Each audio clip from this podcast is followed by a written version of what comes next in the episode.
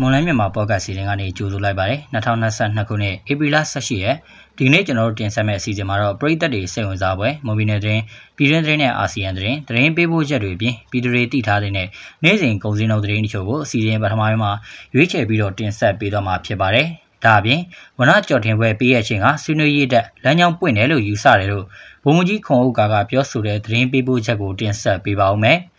ဒီကနေ့စီစဉ်မှုကတော့ကျွန်တော်ခန့်မှန်းသူကတာဝန်ယူတင်ဆက်ပေးတော့မှာဖြစ်ပြီးကျွန်တော်နဲ့အတူမိရိုင်းဘလော့ကသတင်းတွေကိုကူညီဖတ်ကြားပေးတော့မှာပါနားဆင်ကြတဲ့ပရိသတ်အားလုံးကိုမင်္ဂလာပါလို့နှုတ်ခွန်းဆက်တာပါရစေကျွန်မမိအိုင်ဘလော့ကကိုခန့်မြတ်သူနဲ့သူကူညီတင်ဆက်ပေးတော့မှာပါ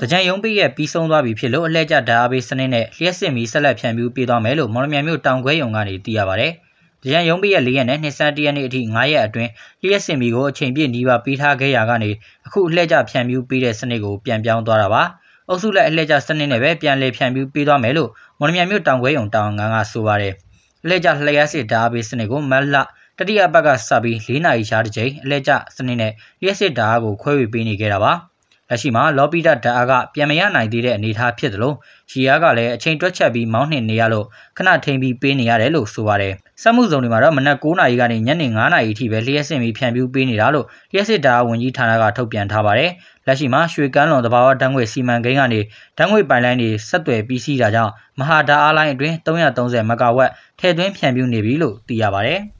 မွန်ပြည်သက်ပါတီ MNSP ဥက္ကဋ္ဌဟောင်းနိုင်ရွှေကျင်နဲ့နိုင်ထောမွန်အပါအဝင်ဒိုင်းသားလက်နက်ကင်အဖွဲ့အစည်းတွေကိုဝနတ်ကျော်ထင်ပွဲပေးအပ်တယ်လို့နာဆာကဥက္ကဋ္ဌဗိုလ်ချုပ်မှုကြီးမြင့်အောင်လှိုင်ကမနေ့ကထုတ်ပြန်ခဲ့ပါတယ်။မြန်မာနိုင်ငံလွတ်လပ်ရေးရပြီး85နှစ်ကာလအတွင်းနိုင်ငံတော်နဲ့နိုင်ငံသားများကောင်းကျိုးကိုဒူးကြုံပြောင်မြောက်စွာတာဝန်ထမ်းဆောင်နိုင်သူတွေအတွက်ဝနတ်ကျော်ထင်ပွဲကောင်းတူးဆောင်တဲ့စိတ်ကိုချီးမြှင့်အနှင်ခဲ့တယ်လို့ဆိုပါရယ်။ နာဆာကဥက္ကဋ္ဌကဘေးအပ်တဲ့ဝနကျော်ထင်ပွဲရရှိသူတွေကမွန်ပြည်သက်ပါတီမှနိုင်ရွှေကျင်နိုင်ထောမွန် RCSS မှာဥက္ကဋ္ဌဗိုလ်ချုပ်ကြီးရွတ်စေ KNU မှာဥက္ကဋ္ဌဗိုလ်ချုပ်ကြီးစောမှုသူစေဖို့ AFP မှာဥခိုင်စိုးနိုင်အောင် PNLO ရဲ့ဥဆောင်နာရက်ကဗိုလ်မှူးကြီးခွန်အောက်က KNU တက်မတော်6တပ်ရင်16မှဥစောတမှုဟဲ KNU KNAAPC အဝထဟောင်းဗိုလ်ချုပ်ထေးမောင်ခစောထေးမောင် KIO ဥလဆက်အောင်ဝါဖွဲ့မှခေါင်းဆောင်ဥလဆက်အောင်ဝါ KNU ဘရိုအောင်ဆန်းဖွဲ့မှဘရိုအောင်ဆန်း KNU တပ်မဟာနှစ်တရောင်အထူးဒေတာအဖွဲ့မှစောဖယ်ရီမိုတို့ဖြစ်ပါတယ်။ဒါအပြင်ကရင်တော်လန်ရေးကောင်စီဗဟိုအာဏာပိုင်အဖွဲ့ခေါင်းဆောင်စောဟန်တာတာမွေကချင်ပြည်နယ်အထူးဒေတာတစ်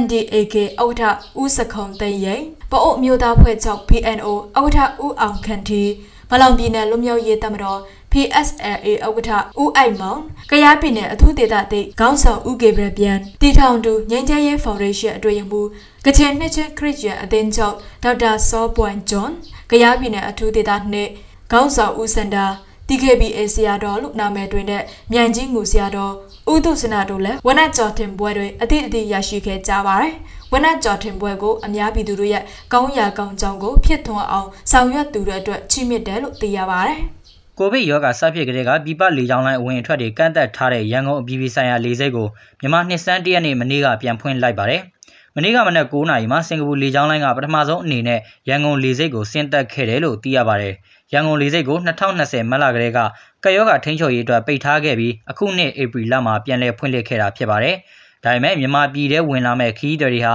ကိုဗစ်ကာကွယ်ဆေးထိုးထားတဲ့အထောက်အထားပြရမယ်လို့ကျန်းမာရေးဝန်ကြီးဌာနကထုတ်ပြန်ထားပါတယ်။ဒါအပြင်မြန်မာပြည်ကကျန်းမာရေးကုသခွင့်အာမခံဝယ်ထားကြောင်းလဲပြရမှာဖြစ်တယ်လို့ကိုဗစ်စစ်ဆေးပြီး24နာရီအတွင်းသတ်မှတ်ထားတဲ့ဟိုတယ်မှာစောင့်ဆိုင်းနေထိုင်ရမှာဖြစ်ပါတယ်။ မြန်မာပြည်မှာကိုဗစ်ကူးစက်ခံရတဲ့သူ6သိန်း1000ကျော်ရှိခဲ့ပြီးအဲ့ဒီတဲက19000ကျော်အသက်ဆုံးရှုံးခဲ့ရတယ်လို့ကျန်းမာရေးဝန်ကြီးဌာနကထုတ်ပြန်ထားပါတယ်။ကရင်ပြည်နယ်ဖာပွန်မူတရောခိုင်မှာတိုက်ပွဲတွေကြောင့်တွယ်လိုမြို့နယ်နဲ့ဘူဒိုမြို့နယ်က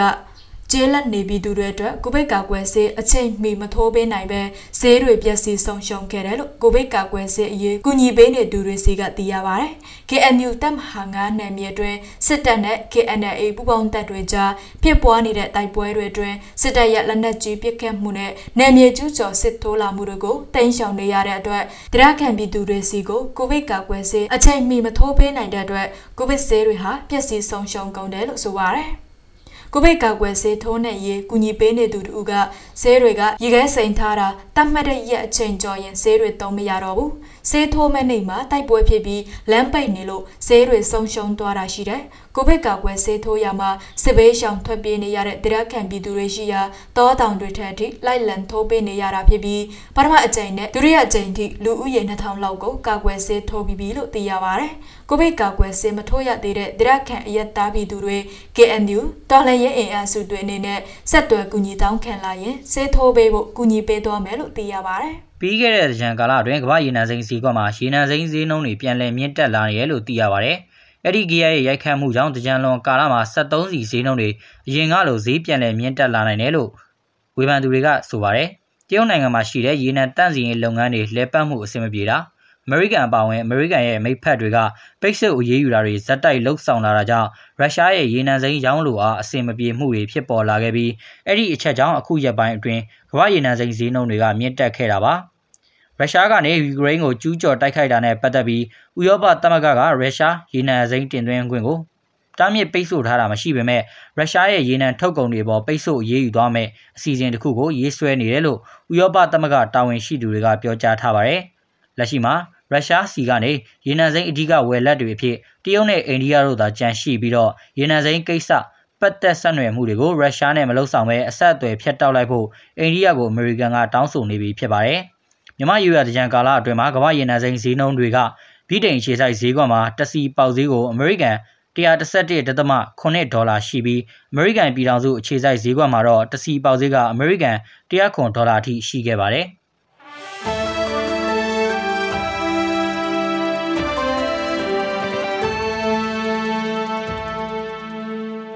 ဆက်လက်ပြီးပြည်သူတွေတည်ထားတဲ့နေ့စဉ်ကုန်စည်နှုန်းသတင်းတချို့ကိုမော်လမြိုင်ကုန်စည်တန်းကအချက်လက်တွေကိုအခြေခံပြီးတင်ဆက်ပေးပါဦးမယ်။ဒီနေ့ထိုင်းနဲ့မြန်မာငွေလဲနှုန်းကတော့ထိုင်းဘတ်59.5ဝယ်ဈေးရှိပြီးရောင်းဈေးကတော့60.5ရှိနေပါတယ်။ဒေါ်လာဈေးကတော့အမေရိကန်ဒေါ်လာကိုဝယ်ဈေးမြန်မာငွေ1850.6ရှိပြီးရောင်းဈေးကတော့1185.2ရှိနေပါတယ်။ရွှေစည်းနှုန်းကတော့မီလင်း16ပဲရဲ့တစ်ကြက်သားကို20သိန်း4000နဲ့15ပဲရဲ့တစ်ကြက်သားကို18သိန်း9000ရှိနေပါတယ်။ ရာဘာဈေးနှုန်းမှာအကောင်းဆုံးကတော့နီလန်းလွတ်တစ်ပေါင်ကို1130ကျပ်အထိရှိနေပါတယ်။စံဈေးနှုန်းကတော့အကောင်းသားပေါ်စံမွေးစံသား90ကို92,500ကျပ်နဲ့အလဲလက်တန်းစံအမျိုးသားပေါ်ကျွဲတဲ့စံသား80ကို4100ကျပ်နဲ့အမထစံတွေကတော့စံသား80ကို3100နဲ့စံသား90ကို3300အထိရှိနေပါတယ်။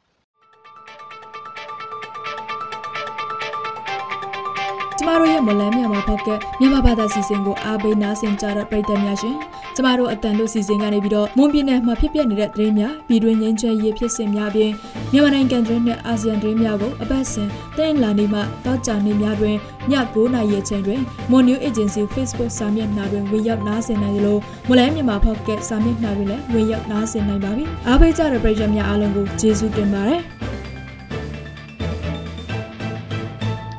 အခုတင်ဆက်ပေးသွားခဲ့တာကအေပီလာ18ရက်နေ့မှာဖြစ်ပျက်ခဲ့တဲ့မွန်ပြည်နယ်သတင်းပြည်တွင်းသတင်းနဲ့အာဆီယံသတင်းတွေအပြင်တနေ့တာစီစဉ်ငွေစည်းနဲ့ကုန်စည်နှုန်းတွေကိုတင်ဆက်ပေးသွားခဲ့တာပါဆက်လက်ပြီးတော့ဝနကြော်ထင်ပွဲပေးရခြင်းကဆွေးနွေးရေးတက်လမ်းကြောင်းပွင့်တယ်လို့ယူဆကြောင်းဗိုလ်မှူးကြီးခွန်ဥက္ကာကပြောဆိုခဲ့တဲ့သတင်းပေးပို့ချက်ကိုစတောင်းတော်ကတင်ဆက်ပေးပါဦးမယ်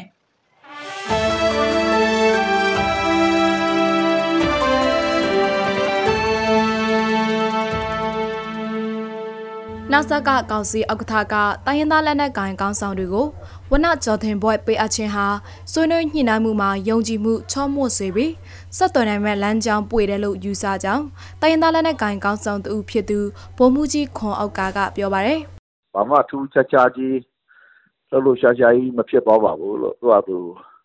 အထိုင်အလျောက်ပဲရှိပါတယ်။အထူးသဖြင့်တော့အာဒီလိုပေးခြင်းအဖြစ် လာမဲ့ကျွန်တော်တို့ဆွေးနွေးညှိနှိုင်းမှုတွေမှာပို့ပြီးတော့ယုံကြည်မှုတို့နော်ချောချောမွေ့မွေ့ပြောဆိုဆက်သွယ်နိုင်တဲ့လမ်းကြောင်းပွင့်တယ်လို့ယူဆတယ်ဗျနော်ဒီဟာကိုအသုံးပြုပြီးတော့တိုင်းပြည်မှာလက်တွေ့ရင်ဆိုင်နေရတဲ့နိုင်ငံရေးအကြက်တဲတွေပြိပခါတွေနော်ကျွန်တော်တို့ဟိုမီရှိုတပ်ဖြတ်နှိတ်ကိုဖန်ဆီးနေတာတွေအများကြီးဖြစ်နေတော့ဒီပြည်သူလူထုကိုအကာအကွယ်ပေးဖို့ သူတို့သက်သာရာသက်သာကြောင်းဆွေးနွေးညှိနှိုင်းနိုင်ဖို့အတွက်ကျွန်တော်တို့ကတော့ဒီ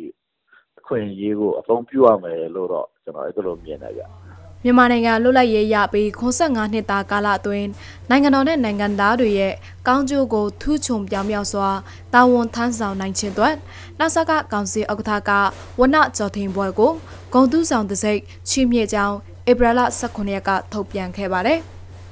လက်ရှိခွေရေကိုတောင်းချတပ်ပါကတိုင်းပြည်အတွက်ကောင်းကျိုးကိုရရှိမှာဖြစ်တယ်လို့အတော့မပြုတ်တပ်ပါကကောင်းတဲ့ရလက်ထွက်မှာမဟုတ်ဘူးလို့ဗိုလ်မှူးကြီးခွန်အောက်ကကဆိုပါရယ်နာဆာကကောင်စီဥက္ကဋ္ဌကပေးအပ်တဲ့ဝနဂျော်တင်ပွဲရရှိသူတွေကတော့မွန်ပြည်သစ်ပါတီမှနိုင်ရွှေချင်းနိုင်ထော်မွန်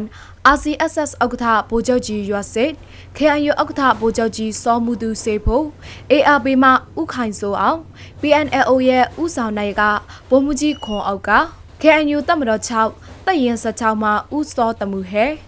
KNU KNLAPC ဥက္ကဋ္ဌဟောင်းဗိုလ်ချုပ်ထေမောင်ခစောထေမောင် KIO ခွဲထွက်ဥလဆန်အောင်ဝါအဖွဲ့မှကောင်းဆောင်ဥလဆန်အောင်ဝါ KNU ဘဒိုးအောင်ဆန်ဖွဲ့မှဘဒိုးအောင်ဆန် KNU တပ်မဟာနှင့်တန်တောင်အထူးဒေသအဖွဲ့မှ software remote တို့ပဲဖြစ်ပါတယ်။ ဒါအပြင်ကရင်တော်လိုင်းရေးကောင်စီဗဟိုအာဏာပိုင်အဖွဲ့ကောင်းဆောင်စောဟန်တာတာမွေကချင်ပြည်နယ်အထူးဒေသအသစ် NDAK အောက်ထဥစခုံတိတ်ရင်ပအုပ်မျိုးသားအဖွဲ့ချုပ် PNO အောက်ထဥအောင်ခမ်တီပလောင်ပြည်နယ်လူမျိုးရေးတမတော် PSAA အောက်ထဥအိုင်မုံကယားပြည်နယ်အထူးဒေသအသစ်ကရန်အဖွဲ့ KNG ကောင်းဆောင်ဦးကေပရပြန်တီထောင်သူ ညချမ်းရေးဖောင်ဒေးရှင်းအသွင်ရမှုကရင်နှစ်ချင်းခရစ်ယာန်အသင်းချုပ်ဒေါက်တာစပွိုင်းဂျမ်ကရပြည်နယ်အထူးဒေသနှင့် KNI လူမျိုးပေါင်းစုံပြည်သူ့လူမျိုးရေးဖွဲ့ကလလတာခေါင်းဆောင်ဦးစန္ဒာ DKBA ဆရာတော်ဟုနာမည်သွင်းတဲ့မြိုင်ကြီးငူဆရာတော်ဥတုဇနာတို့လည်းဝနကြော်တင်ပွဲတွေအတီးတီးရရှိခဲ့ကြပါတယ်။ RCSS မှာဥက္ကဋ္ဌကြီးရွတ်စစ်ဝနကြော်တင်ပွဲချီးမြှင့်ခံရခြင်းနဲ့ပတ်သက်ပြီးမှတ်ချက်ပေးစရာမရှိဘူးလို့ RCSS မှပြောခွင့်ရပုဂ္ဂိုလ် ဘုံမှုဆိုင်ခမ်ဆမ်ကပြောပါတယ်။အာကျွန်တော်မတိရောက်ခင်ဗျအဲ့ဒါဆိုတည်င်းထုတ်ပြန်တဲ့နေ့မှကျွန်တော်တိရလေကျွန်တော်ဒီ online ပေါ်မှာပဲတွေ့ရတယ်ခင်ဗျကျွန်တော်ဟိုတခြားတခြားအကြောင်းအရာတွေမတိရောက်ခင်ဗျကျွန်တော်ထုတ်ပြန်မှကျွန်တော်တိရတယ်ခင်ဗျကျွန်တော်လည်းဘာမှမချက်ပေးစရာမရှိဘူးခင်ဗျတို့တို့ဘာလို့ထုတ်ပြီးတော့မှ ထုတ်ပြီးတဲ့နောက်ပိုင်းမှာကျွန်တော်တို့သိရတယ်ဗိုလ်မှူးကြီးခွန်အောက်ကကတော့အဲ့ဒီအခွေလန်းကိုအသုံးပြုပြီးတော့ပြည်သူလူထုအတွက်အကောင့်ဆုံးဖြစ်အောင်နဲ့အနာဂတ်ဖက်ဒရယ်တိုင်းပြည်အတွက်အကောင့်ဆုံးနီးနာကိုရှာသွားမယ်လို့ဆိုပါတယ်အာဒီဒီဟိုဘာပေါ့ဝန်တော်ဝန်တာကြီးကျယ်လည်းမဖြစ်ပါဘူးဝန်နေတဲ့ဒါလည်းကြီးကျယ်မဖြစ်ပါဘူးဖြစ်ပေါ်လာတဲ့အခြေအနေနဲ့အခွင့်အလမ်းကိုအသုံးပြုပြီးတော့ပြည်သူလူထုတွေအတွက်အကောင်းဆုံးဖြစ်အောင်เนาะကျွန်တော်တို့အနာဂတ်ဖက်ဒရယ်တိုင်းပြည်အတွက်အကောင်းဆုံးဖြစ်အောင်နီးနာ ရှာသွားမယ်နိနာရှာတဲ့နေရာမှာဒီခွင့်လန်းကိုအသုံးပြုသွားမယ်ပေါ့ဗျာဒါပဲကျွန်တော်တင်ပြချင်ပါမြန်မာနိုင်ငံဟာ1948ခုနှစ်ကလွတ်လပ်ရေးရရှိခဲ့ပြီးနောက်လွတ်လပ်ရေးနဲ့အထိမ်းအမှတ်ဖြစ်ဘွဲတစိတ်တွေကိုချီးမြှင့်လျက်ရှိပြီးဝနကြော်တင်ပွဲမှာအများပြည်သူတို့ရဲ့ကောင်းရာကောင်းကြောင်းကိုဖြစ်ထွန်းအောင်ဆောင်ရွက်ခြင်းအတွက်ချီးမြှင့်ကြောင်းလည်းသိရပါတယ်ရှင်။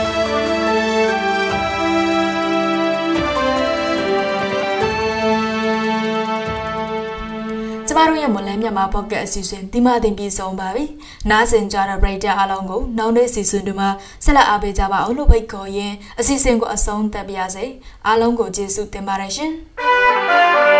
။